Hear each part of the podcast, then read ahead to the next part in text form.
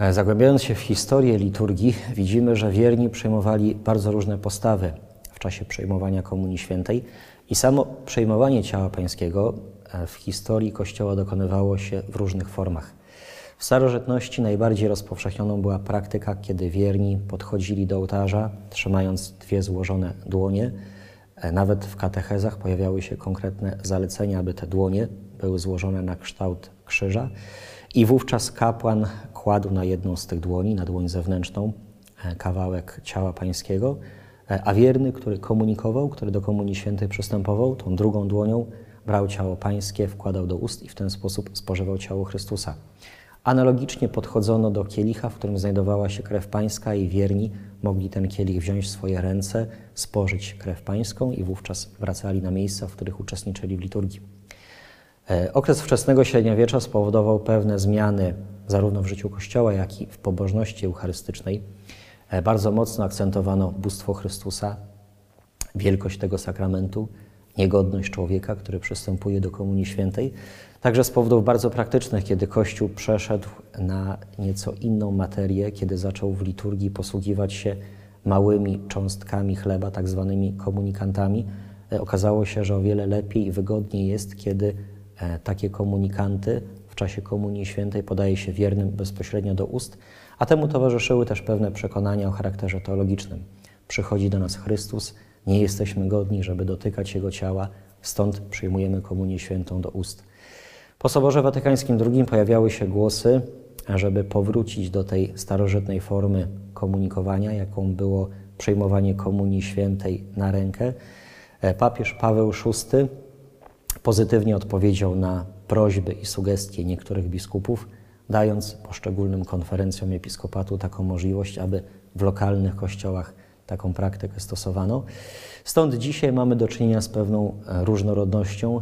Są takie parafie i takie wspólnoty, a nawet e, całe kościoły w określonych państwach, gdzie rozpowszechnionym zwyczajem jest jedna określona forma. Natomiast często też widzimy wiernych, którzy w liturgii uczestniczą, kiedy niektórzy z nich przyjmują komunię świętą do ust, inni z kolei e, czynią to e, poprzez dłoni, biorąc komunię świętą do ręki. Bardzo ważną rzeczą w tym wszystkim jest e, głównie szacunek dla Najświętszego Sakramentu.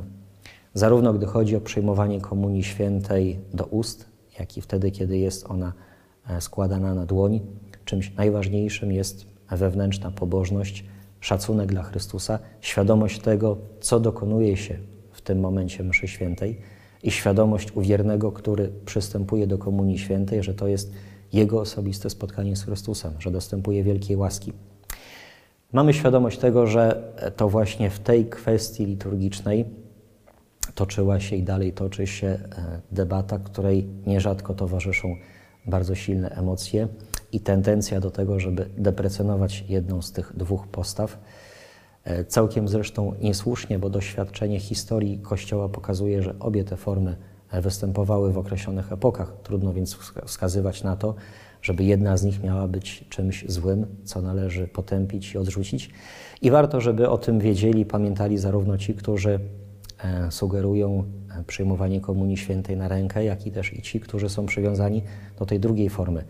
Zresztą, jeśli liturgia jest czymś, co ma nas jednoczyć, a tak jest tak być powinno, to w momencie, szczególnie w takiej chwili, jaką jest przyjmowanie Komunii Świętej, która jest przecież e, obrzędem jednoczącym całą wspólnotę, dyskusje, nieporozumienia, e, oceny byłyby czymś, co zaburzają w ogóle samorozumienie liturgii, co zniekształcają de facto obraz tego, co powinno dokonywać się w czasie przyjmowania Komunii Świętej.